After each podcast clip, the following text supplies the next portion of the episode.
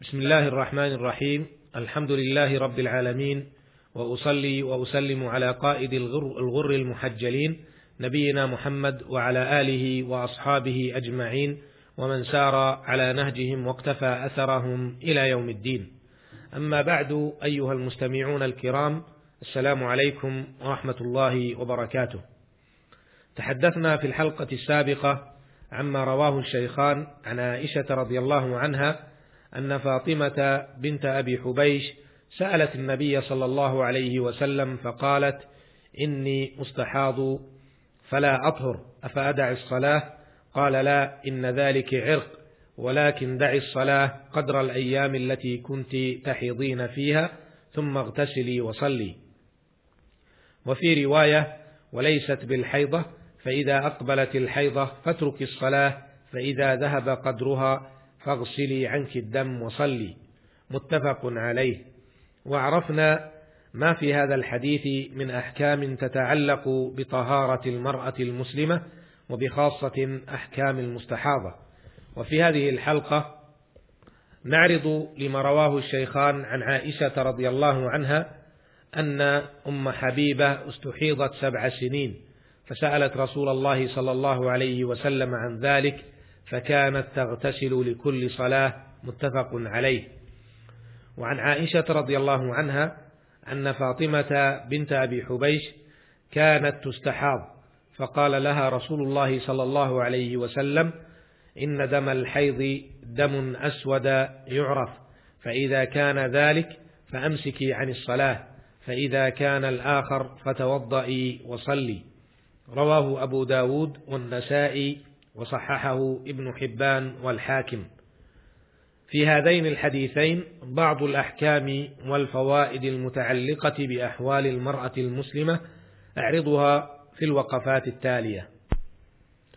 الوقفة الأولى اختلف أهل العلم في حكم غسل المستحاضة لكل صلاة فبعضهم ذهب إلى وجوبه استنادا لبعض الأحاديث والآثار الواردة في ذلك.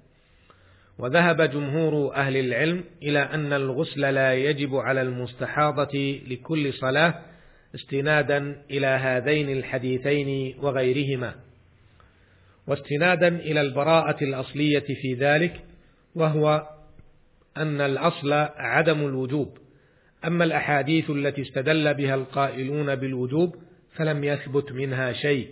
قال النووي رحمه الله وأما الأحاديث الواردة عند أبي داود والبيهقي وغيرهما أن النبي صلى الله عليه وسلم أمرها بالغسل عند كل صلاة فليس فيها ثابت وقد بين البيهقي ومن قبله ضعفها.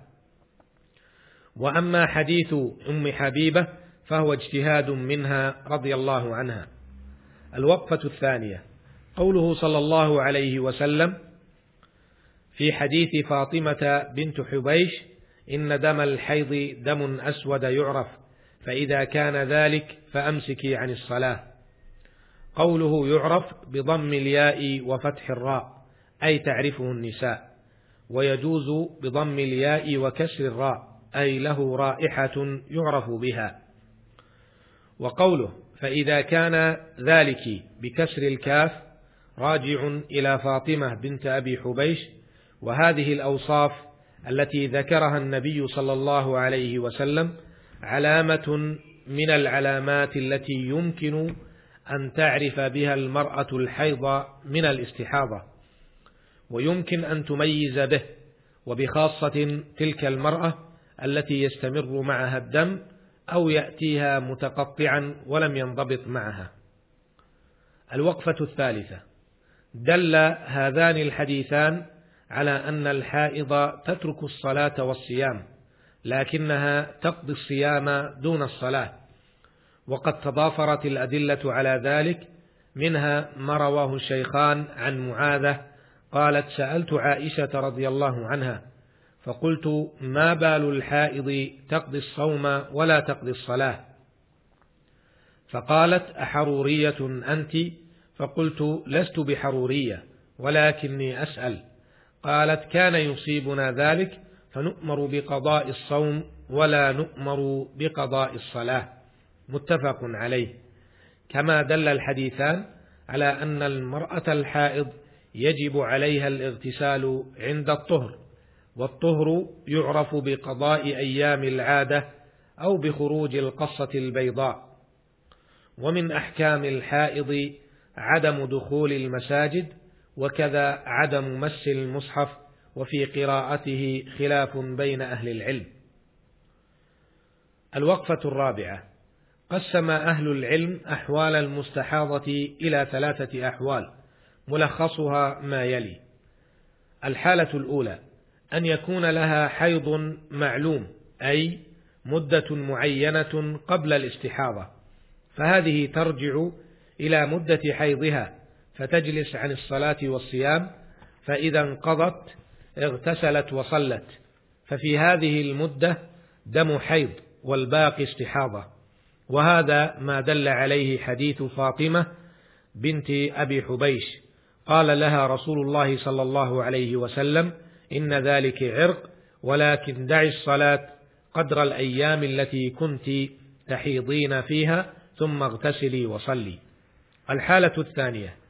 ألا يكون لها حيض معلوم قبل الاستحاضة بأن تكون الاستحاضة مستمرة. فهذه تعمل بالتمييز فيكون حيضها ما تميز بسواد أو غلظة أو رائحة. فإذا توفرت صفة من هذه الصفات فهو حيض والباقي استحاضة. وهذا ما دل عليه حديث فاطمة برواية أبي داود والنسائي. الحالة الثالثة ألا يكون لها حيض معلوم ولا تمييز صالح بأن يكون دمها على صفة مستمرة أو على صفات مضطربة وهذه كما ذكر أهل العلم تعمل بعادة غالب النساء ستة أيام أو سبعة أيام يبتدئ من أول المدة التي رأت فيها الدم وما عداه فهو استحاضة. الوقفة الأخيرة هذه الأحكام المتعلقة بالحائض والمستحاضة أحكام مبينة أحكام مبنية على يسر الشريعة وسماحتها، وعليه فينبغي للمرأة المسلمة أن تفقهها وتعيها وتسأل عما أشكل عليها لأجل أن تعبد الله على بصيرة. رزقنا الله وإياكم الفقه في الدين والعمل بسنة سيد المرسلين إنه سميع مجيب وهو المستعان وإلى اللقاء في الحلقة القادمة إن شاء الله. والسلام عليكم ورحمة الله وبركاته.